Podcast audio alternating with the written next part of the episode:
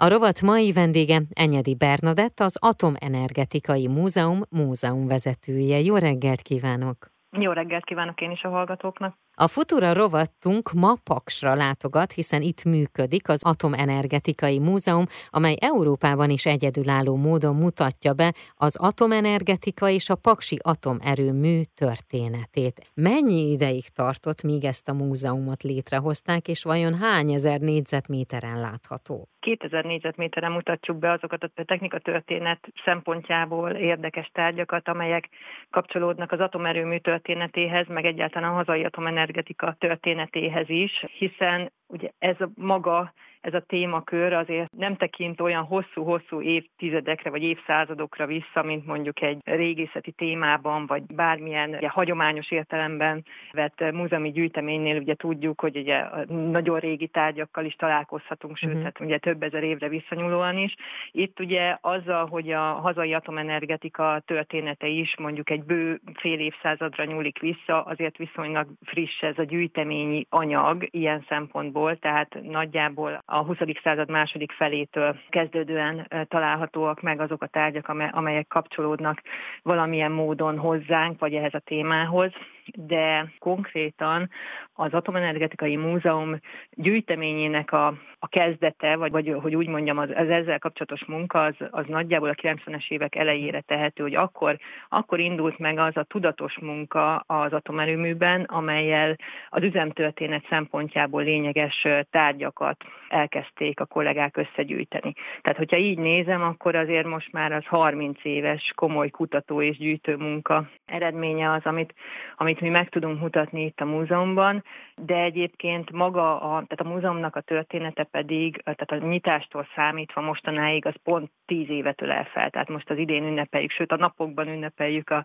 a tizedik évfordulóját a múzeumnak, tehát ez egy ilyen születésnap is egyben. Nagyon komoly munka folyt, ez, ez tényleg évtizedekre visszanyúlóan is annak érdekében, hogy az utókor számára meg tudjuk őrizni és meg tudjuk mutatni azokat a, a tárgyakat, amelyek az építkezéshez is kapcsolódnak, kapcsolódnak, a működéshez kapcsolódnak, üzemből kivett tárgyakat tudunk mutatni, blokkszimulátort, olyan tárgyakat, amire uh-huh. tényleg a mai fiatalok is, mondjuk, hogyha csak a számítógépes témákra gondolunk, hát nagyon felkapják a fejüket, hogy ú, hát ez, ezt mondjuk nem, nem gondolta volna uh-huh. senki, hogy egy szekrényben kellett két megabájtnyi adatot eltárolni, és hát ugye a mai léptékkel, vagy a, a mai életünkhöz viszonyítva ezek tényleg megdöbbentő dolgok is tudnak lenni. Igen, közben nekem is ez jutott eszembe, hogy azért volt egy technikai fejlődés, egy hihetetlen nagy technikai fejlődés, amely ugye az atomenergetikára is hatott, tehát akkor ez valójában elindul onnan, ahonnan mondjuk elkezdődött, és aztán a napjainkig tart, és folyamatosan frissül?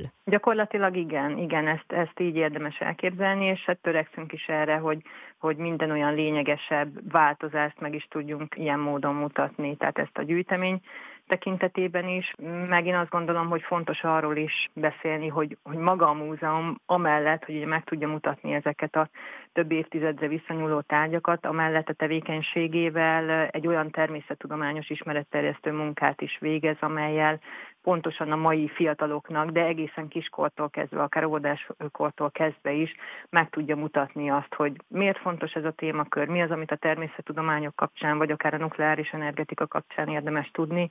Ezeket olyan mai módon, tehát a mai kor igényeihez igazodva, akár modern eszközökkel, okos eszközökkel is megmutatva, vagy kiterjesztett valóságot, vagy virtuális valóságot is felhasználva tudja megmutatni, amelyel közel lehet vinni ezt a témát témát azokhoz, akik érdeklődnek, és hát azért szerencsére a fiatalok, meg a gyerekek is, meg hát később ugye azért fiatal felnőttek, vagy azok, akiknek azért van ebben a, ezen a területen valamilyen fajta jártasság, vagy érdeklődés, szerencsére sokan érdeklődnek, tehát ezt, ezt nagyon mhm. jól közel tudjuk vinni az emberekhez.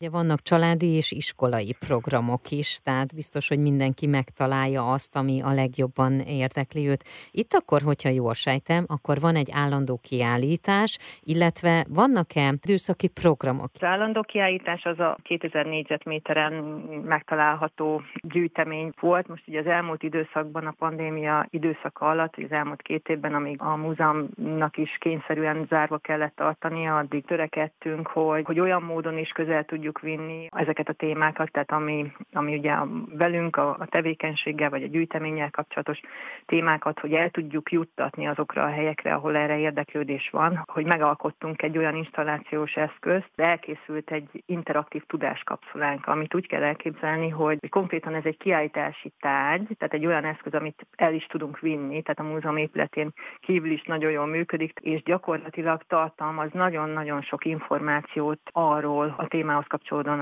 az atomenergetika történetéről, szöveges módon is, képi információkkal is alá tudjuk ezt támasztani, de, de amitől igazán érdekessé válik ez az eszköz, hogy van egy alkalmazás hozzá, tehát amelyet, hogyha ha letölt az érdeklődő, vagy okos eszközzel meg tudja nézni, akkor gyakorlatilag 3D formában láthat olyan műtárgyakat, vagy tudósokat, vagy, vagy, vagy olyan munkafolyamatot, vagy tehát olyan kapcsolódó tartalmat, ami, amit ugye ez az eszköz meg tud mutatni. Ez az, ami, ami még ebben a, a pandémiás időszakban is nagyon jól tudott működni. Március 7-én lesz ugye 10 éves az Atomenergetikai Múzeum. Hogy fognak ünnepelni? Igen, tehát most már nagyon készülünk erre a kerek évfordulóra, és úgy gondoljuk, hogy ezt az elmúlt évtizedet is méltó módon szeretnénk megünnepelni. Most Paks városában, tehát nem a múzeum épületében, hanem, hanem a városban tartunk egy négy napos rendezvénysorozatot, amely nagyon sok érdekes program elemet fog tartalmazni. Viszünk kiállítást is, kifejezetten erre az időpontra összeállított a tíz év történetét felülelő kiállítás is meg fog nyílni, illetve ezen túlmenően meg lesznek azok a programhelyszínek, ahol a virtuális valóság szemüvegben mondjuk körbe lehet járni a reaktorcsarnokot, a turbinacsarnokot, vagy az atomerőmű érdekes helyeit, vagy például, amit az előbb említettem, ez az eszközünk is kín lesz, amely a ugye kiterjesztett valóságtartalmakat mutatja meg, és ezt járja körbe.